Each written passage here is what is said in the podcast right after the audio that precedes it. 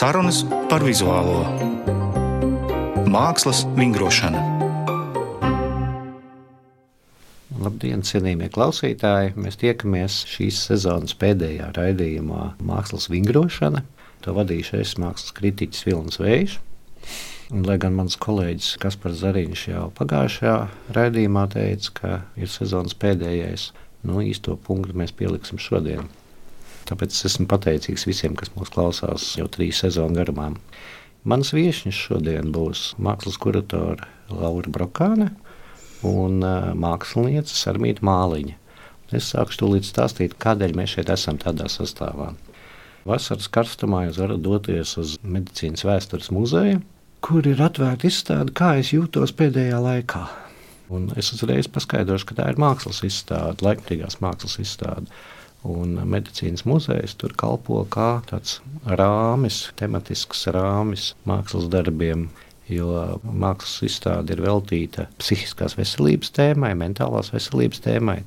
Bet es vēlreiz paskaidroju, ka tas nav tāds muzeja izstāde par psihisku slimību ārstēšanu, bet eh, ne, tie ir ļoti delikāti izstāstīti mākslinieku stāsti vai gadījumi vai tēli radīti kas ļoti dažādos veidos sasaucās ar pat ne tikai psihisko veselību, bet plašāku jautājumu loku, ieskaitot dažādas grūtas dzīves situācijas, tuvinieku zaudējumu vai trauksmes stāvokļa, depresijas. Tas jau būtu vairāk medicīnas virzienā. Laura, varbūt pastāsti tu lūdzu, kā šāda ideja radās. Turklāt izstāde ir organizēta Latvijas Mākslas centrs, nevis muzejs pats. Ja. Jā, ideja radās jau senajā 2019. gadā, kad es vēl strādāju Latvijas Mākslas centrā. Mums ir Solvita Kresi, Martu Krivadi, sabiedrības veselības speciāliste un uh, medicīnas muzeju.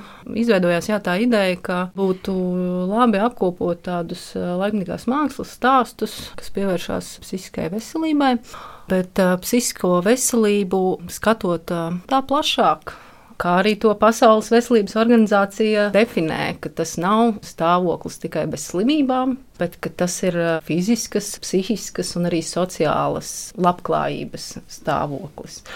Un, tāpēc mums bija svarīgi runāt ne tikai par šo diagnožu zonu, kas arī izstādē ir, bet arī par profilaksi, par dažādām pašpalīdzības tehnikām, par to, kā psihisko veselību uzraudzīt, kā rūpēties par sevi. Un te ir mazliet tas valodiskais triks, ja, ka mums ir ienākusi mentālā veselība, kas ir varbūt it kā solis atpakaļ, ka tā ir tā profilaks, bet patiesībā mentāls nu, nav tāda vārda mentāls. Tas ir pilnīgs pārnesums no angļu valodas, mental health kas ir psihiskā veselība, un tieši tas arī to nozīmē, ka tā mhm. psihiskā veselības definīcija ir mentālās veselības definīcija angļu valodā. Līdz ar to, ja mēs skatāmies plašāk, tad nu, tas solis pirms psihiskās veselības būtu labbūtība ja, vai labklājība. Labklājība mums mazliet saistās ar to ekonomisko un sociālo Jā. vairāk kontekstu, jāiet, bet tā labbūtība mums arī labi neiesēžās. Tāpēc man liekas, ka psihiskā veselība patiesībā ir ļoti labs un precīzs jēdziens, plašs, par to arī tiek runāts izstādē. Un tas, ka varbūt valodiski mums mazliet tas griežas, arī ir saistīts patiesībā ar tiem aizspriedumiem, stereotipiem, kas nāk līdzi arī vēsturiski ar tādām mazliet stigmām par to, ka nē, nu, ar manu psihisko veselību jau gan viss ir kārtībā, ka tāda negatīva konotācija. Tas būtu tā, ka mēs to saprotam pārāk šauri varbūt. Jā, jā es domāju, mhm. ka tas ir saistīts ar to iekļaušanas nepietiekamību šajā kontekstā. Nu, un Sadmīta Māliņa, laikmatīgās mākslas klasiķi, kas vispār tik reti uzstājās radio un, un nesniedz intervijas tikpat kā nekad. Sadmīta šoreiz mums ir pateicīgās skatītājas lomā. Sarmīta, tu esi bijusi izstādē, uzkāpus medicīnas muzejā līdz trešam stāvam. Kāda tev bija pirmie iespaidi? Viņus ļoti grūti restaurēt, uh mhm. -huh. jo viņus ar jaudu noēda esošā muzeja, medicīnas muzeja sadaļa kosmos. À, tu tā tad devies no izstāžu zāles tālāk pastāvīgajā ekspozīcijā. Bet, nu, ja tu mēģinātu par izstādi savu iespēju formulēt, mm, tad es teiktu, ka viņa ir novēlota. Tad es teiktu, ka viņa ir pārāk vēsa un pieklājīga un pārāk tāda slēpšanās vienalga jūtama, jo tā tēma ir nepieklājīga, muļķīga, pat var teikt, kad visos sociālajos komentāros par kaut kādu aplamu vai nepieņemamu faktu, persona, kas to veids, tiek nosūtīta uz trako māju. Tad mēs iztēlojamies tos brīžus, jā, uz jā. kāda tā iela saucās. Tvaika iela. Tvaiceni, Jā, jā. Un tad mēs iztēlojamies, ka tur staigā baltos tajos garajos sasietām rokām uz muguras cilvēki un visi tie tēli. Nu, bet tie jau drīzāk ir tad, uh, medicīnas muzeja pastāvīgā ekspozīcijā. Nu, jā, jā, jā. Man likās, ka šī izstāde tieši ir tāda, jā, tu saki, vēsa. Uh, var būt, bet ļoti tīra un tāda dzīva, es teiktu, jo nav tieši šis saduļķojums, kas radās no nu, vēlmes sensacionalizēt kaut jā kādu tas, tēmu. to es vērtēju ļoti, ka man tas patika, ka tur varēja būt kaut kādas. Es jau pirmā iespēju atceros, gan ļoti skaidri, jo tas bija tas darbiņš, kas sastāvēja tikai no skaņas, Laura, ja es pareizi. Jā, mēs to kas vilsām. bija šūpoļu čīkstēšana. Un tas patiesībā pat bija viens no netiešākajiem darbiem, ko es tikai tā noskaņas vai tādas sajūta radīšanas līmenī varētu sasaistīt ar to, kas nu, izstādē tālāk redzams. Bet mākslinieki ir veseli 12. Tā kā tur tēma ir plaša, bet ar 12 māksliniekiem arī nu, viņi ir tādi punktēti, iezīmēti. Uh, Laura, kā tev veicās ar māksliniekiem? Kurš kur uzrunāja, kā tu sameklēji? Tur droši vien arī bija diskusijas par ko, kurš grib, negrib runāt, vai, vai nu tā viss kā rāvās. Jā, no tā sākuma kodola man šķiet, ka tos, kurus es uzrunāju pirmos, tie bija Anna Lāce un Abidzu Cillo. Un gan Anna, gan Rēnis, gan Krista strādāja pie jaundarbiem speciāli izstādē.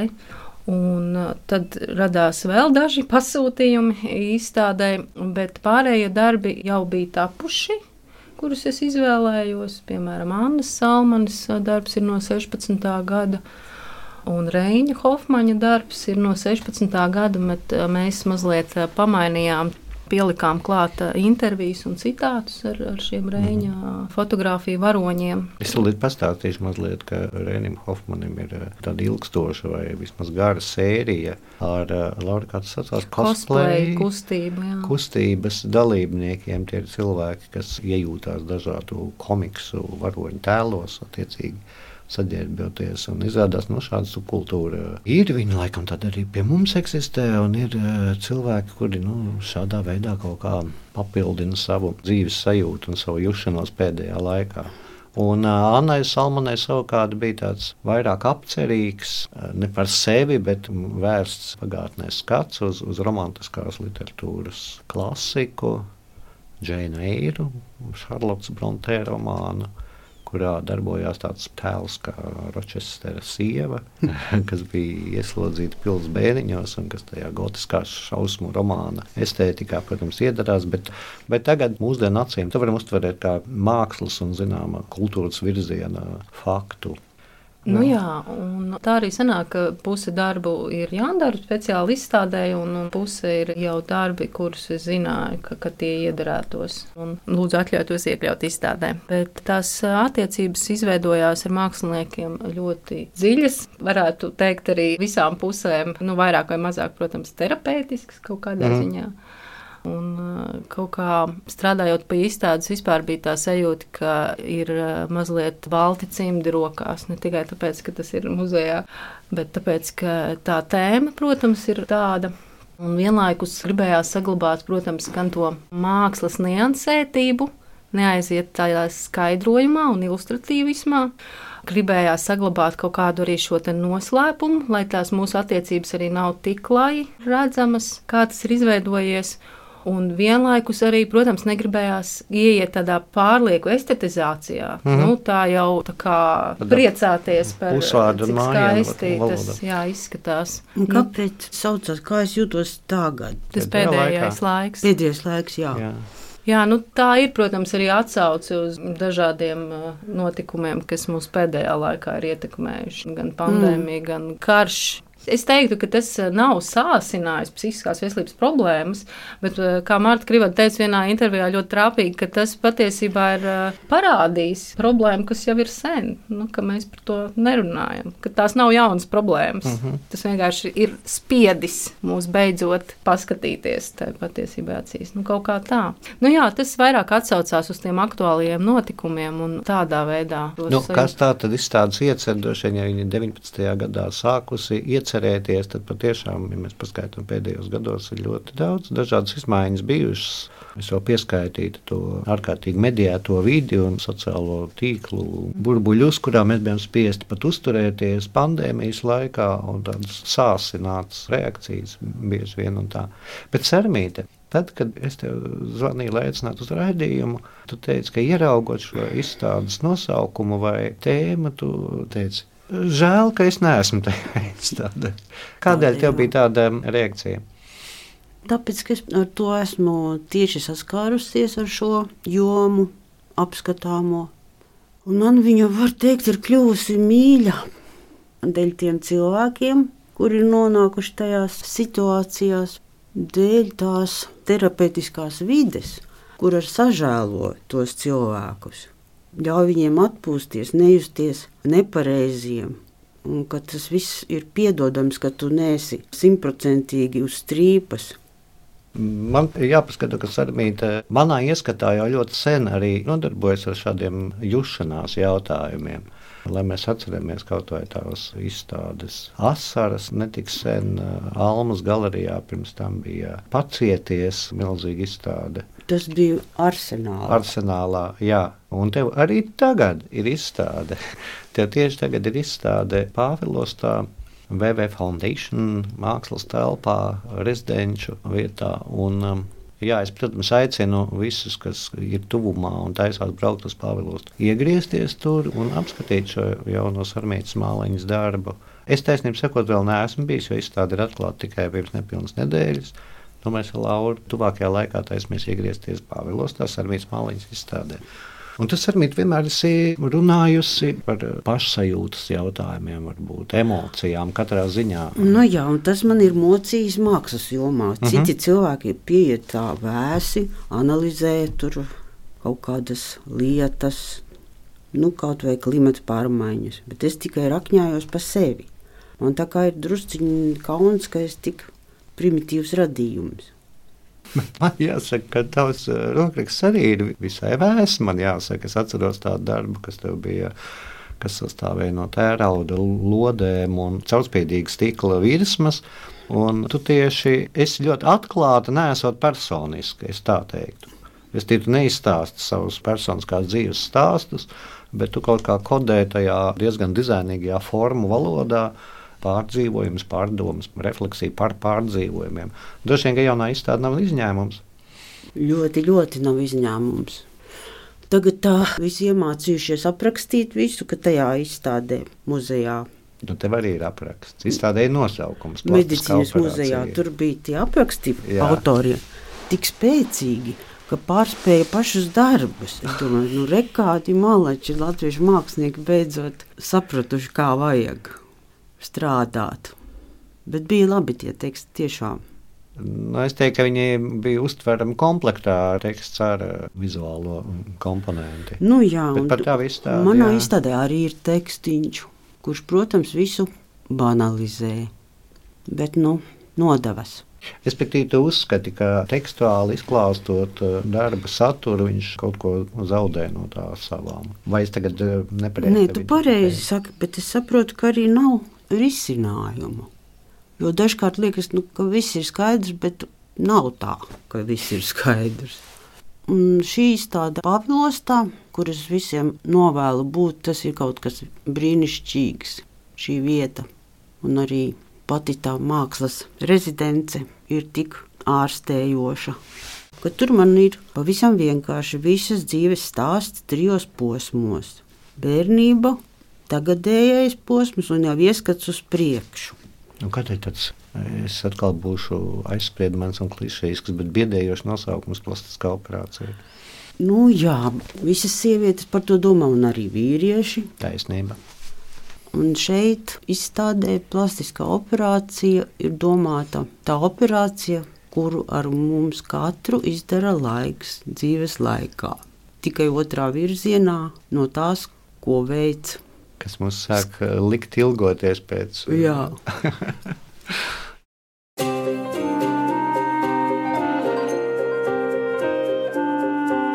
Mākslas vingrošana.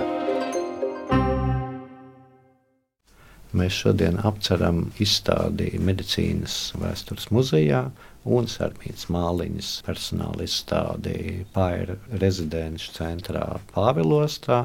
Un mans viesņis ir Sarmīta māliņa un izstādes, kā es jūtos pēdējā laikā, kuratora Laura Brokāne.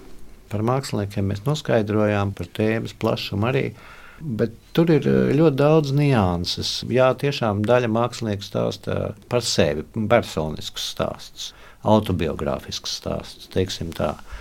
Citi nē. Vai jums bija diskusijas par šiem jautājumiem, kā tas tiks uztverts, vai to vajag darīt, kādēļ to vajag darīt? Jo nu, tā ir kā privāta informācija, medicīna, vai ir laikam pēdējais, kas vēl kaut kas tiek saistīts ar privātās dzīves, tiesībām, privātās dzīves noslēpumu. Ja? Nu, jā, tādēļ medicīnas iestādes neizpauž nekādos strīdos ar pacientiem datus, jo viņi nav tiesīgi to darīt. Personām tiesības uz privātās dzīves neaizskaramību, lai gan viņas ir nu, mūsdienās ārkārtīgi teorētiskas. Bet eh, nu, saglabājas pat pēc nāves, es pat nezinu, vai viņas ir mantojums. Vai jums bija par šādām detaļām vai aspektiem diskusija? Jā, protams, ka lielākoties māksliniekiem tas nu, galvenais mērķis un tā motivācija, nu, pirmām kārtām daudziem tā bija tiešām arī pašterapija, viņi no tā nekaunās un arī atsaucās tekstos uz to. Un, Piemēram, Andas Lācis gleznu sērija, vai pat varētu saukt to par instalāciju, ir uh, tieši mēģinājums tikt galā ar ja, tuvinieku zaudējumiem. Jā, jā, jā, jā, caur mākslas formu. Bet tāds virsmērķis, protams, ir nolikt galdā to tēmu pateikt, uh mhm. -huh. ka tā ir normāla tēma, ka tā ir leģitīma tēma, ka par to runā arī mākslinieki, ka par to nekaunās runāt mākslinieki. Ir tā sanācis, ka tie ir vairāk manas paudzes mākslinieki, 30 gadnieki, 40 gadnieki. Tas netiek uzsvērts, bet tāda paudzes sajūta arī tajā izstādē ir. Un, cik es runāju ar māksliniekiem, viņi arī kaut kādā brīdī ir izjutuši dzīvē šo kaut kādu kaunu, vainas izjūtu par to, kā viņi ir jutušies, nav spējuši runāt varbūt ar saviem vecākiem, vecākiem par to, kuriem atkal savukārt ir tāda vēsturiski arī noteikti posttraumatiskais stāvoklis, kas arī neļauj izkāpt no tā stereotipa par to, ka tas ir jāslēpj zem spilvena. Nu, jā, tas skaitās runāt. tāda sfēra, kur liekas, ka nu, zem zemāk vairs nav kur. Tu esi Jā. zemākajā līmenī sabiedrības. Un tajā, tas ir pilnīgi negodīgi. Tas un... ir pilnīgi negodīgi, jo tev tas risinājums jau ir tieši tā saruna un tā socializēšanās. Lai tu varētu mm -hmm. paskatīties no malas uz to savu pieredzi, tev ir vajadzīgs vai nu kompetents speciālists, kas sarunā, mm -hmm. tev var iedot šo skatījumu no malas. Vai arī, ja tās nav tik smagas problēmas, tad uh, draugs tuvinieks, saruna ir ārkārtīgi nepieciešama, lai tu izkāptu no tā Kristus dzilo darba, lūpa, apļa. Ja, tev ir vajadzīgs kaut kāds grūdienis. Un tajā brīdī, kad tu demonizē šos cilvēkus, viņi tiek atstumti, viņi netiek atpakaļ pie tā socializēšanās, par ko arī Reņģa Hofmaņa tā sērija runā, ka sākumā ir vajadzīga varbūt kaut kāda maska, un tad jau pamazām viņi arī mm -hmm. krīt caur to komunikāciju. Respektīvi, ka mēs izslēdzam šo komunikāciju, kas ir ārkārtīgi nepieciešama tajā brīdī. Jā, droši vien tur ir terapeitiski efekti. Es vienīgi piebildīšu, ka mākslas joma ir īpaša tādā ziņā, ka tā jau pirmkārt jau ir domāta publiski. Un, Skatieties, mēs tagad sēžam radio studijā un apspriežam jau šo mākslinieku darbus un reizē arī viņa pieredzes. Nu, šī terapeitiskā runāšanās parasti, kā tu pareizi norādīji, ir vai nu, teiksim, ģimenes lokā, vai ar uzticības personām, vai ar plašāku, bet tomēr slēgtu grupu mākslas un šī mediju vide, protams, ir tāda, ka viss tiek multiplicēts, padots tālāk, bieži vien pārprasts. Reprodukcijas noteikti cirkulē visur, kur.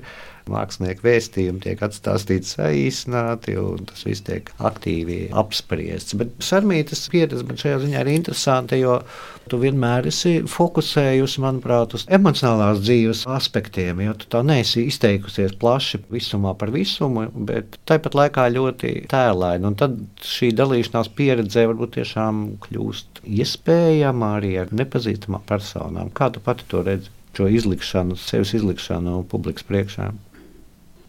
Man tāda klusa cerība, ka es kādam palīdzu. Nu, māksla jau vispār palīdz cilvēkiem. Es tā uzskatu.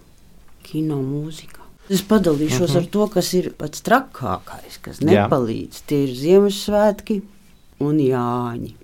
Un Ziemassvētki tas ir tāds periods, kad pilnīgi tā mūzika veikalos un tās baisās reklāmas un tās laimīgās ģimenes.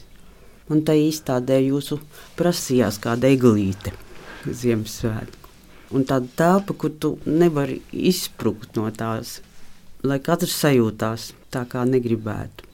Jā, tas ir uh, ievas vīksnes virtuālās realitātes darbs. Man liekas, ir virtuālā Aha. telpa, kurā nevar izsprukt kaut kādā ziņā no tā. Man jāsaka, ka daudz mākslinieku izmanto diezgan tādus aizkustinošus paņēmienus, kā ziedu kārtošana, piemēram, līgais pundei.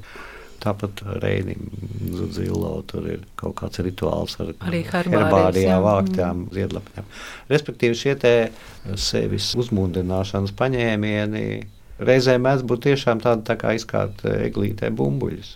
Bet sarmīt tev tas neaizkustina. Nē, nu, piemēram, ja ir ļoti slikti, Jā. tad jebkurš kairinājums tikai pasliktina situāciju. Mm -hmm. Mūzika, piemēram, vai nu arī tā pati kontaktēšanās ar cilvēkiem. Viņa kļūst neiespējama, jo tev jebkuras teikuma sastādīšana prasa milzīgu piepūli. Tev jāizliekas par normālu cilvēku, jāuztur sarunu tas ir briesmīgs darbs. Bet, man liekas, tā atslēga ir tajā, ka ir jāizliekas. Nu, jā. Būtu brīnišķīgi, ka mēs varētu neizlikties, ka mēs varētu arī teikt, man nu. ir ļoti slikti. Rēķinies ar to, ka man šodien ir ļoti slikti, un man ir slikti šādi. Un otrs saka, ok. Bet es pieļauju, ka Armīts šeit runā pat par tādu gadījumu, kad arī to pateikt, ka ir slikti, jau ir grūti. Mm -hmm. un. Es par to arī ļoti daudz domāju, veidojot šo izstādi par to kuratora atbildību. Tieši par to, Diemžēl, ka tas kaut kas tāds tur ir. Jā, jā ka tas var būt atklāts, viņu var izprovocēt. Bet, Ko tu dari jā. pēc tam ar to tālāk, un mm -hmm. kā mhm. tas var tikt interpretēts? Un tāpēc man bija svarīgi, ka tie ir dzīvi mākslinieki, kas var par to komentēt, to pastāstīt ka mēs nenodarbojamies šeit ar, ar, ar mākslas darbiem, par kuriem autors vairs nevar pastāstīt, par kuriem postfaktum ir uzliktas kādas diagnozes, ka mēs neejam tajā sfērā, kur mākslinieks nevar komentēt à, nu, savu darbu. Atšķirīgi ar vienu izņēmumu. Jā, sākumā, ar Irēnu Stradiņu. Jā, jā kas, ar Irēnu Stradiņu. Kas ir bijusi cieši saistīta ar uh, muzeja izveidi vispār. Un jā, beigus dzīvi pašnāvībā. Es saprotu, ka tas nav bijis noslēpts fakts, jo eh, viņas dzīve bija pēckara laikā līdz 78. gadam, un uh, tad 90. gados, kad jau notika kaut kāda mm, brīvāka sarunāšanās par jebkādām tēmām, faktiski ļoti brīva. Tad ir bijusi arī kaut kāda polemika medijos, par ko es tiešām uzzināju tikai izstādē. Un tas ir tas punkts, kas sasaista konkrēto telpu, vietu un šo tēmu. Un tur ir jā, mākslinieks Rasas Jansons eh, interpretācija, bet tā ir tikai interpretācija. Jā, tur varbūt jārēķinās ar to, ka mēs varam tikai kaut kādā veidā interpretēt, pieņemt faktus zināšanai un uzmundrināt dzīvos. Nu, apmēram tā. Tiklīdz mēs sākam apspriest šādas vai tādas izvēles, tad, tā kā Serbija saka, tas nāk tikai par ļaunu. Rasa jau arī nevērš uzmanību mm. Viņas tas eh, galvenais eh, uzdevums bija izgaismot vispār, ka Irēna Stradiņa ir bijusi, mm -hmm. ka viņa ir strādājusi muzejā, ka viņa ir rūpējusies par Paulu Stradiņa muzeja izveidotāju piemiņu ka ir bijusi šāda personība. Tas viņai bija tas galvenais, mm -hmm. to spotlightu mm -hmm. radīt un, un par tām izvēlēm un ārējiem apstākļiem. Un viņu it kā uzdot tādus retoriskus jautājumus, bet nevelk ne uz vienu pusi. Tas tiešām ir tāds kā darīt mm -hmm. zināmu. Jā, un tā ir tāda atsauce uz vēsturisko situāciju, kas tiešām ir ļoti mainījusies mm. gada laikā.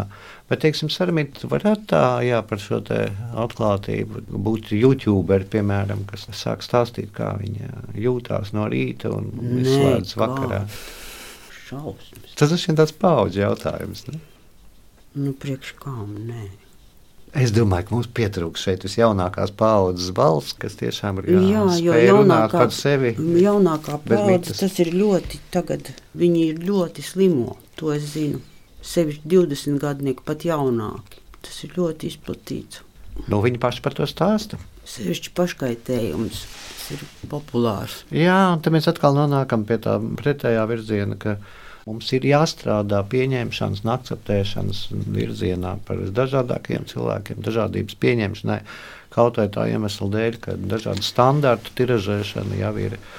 Nu, viņi notiek pati no sevis. Protams, ka šie lomu modeļi, sociālo tīklu tēli, absolūti nereālistiskas expectācijas, ka viņas radās, ģenerējās pašas no sevis, un to ir nu, patērētāja sabiedrība panākusi ar mūsdienu tehnoloģiju, tādas informācijas apmaiņas iespēju palīdzību. Psihiskās veselības tēma būs uzmanības lokā vēl labu laiku.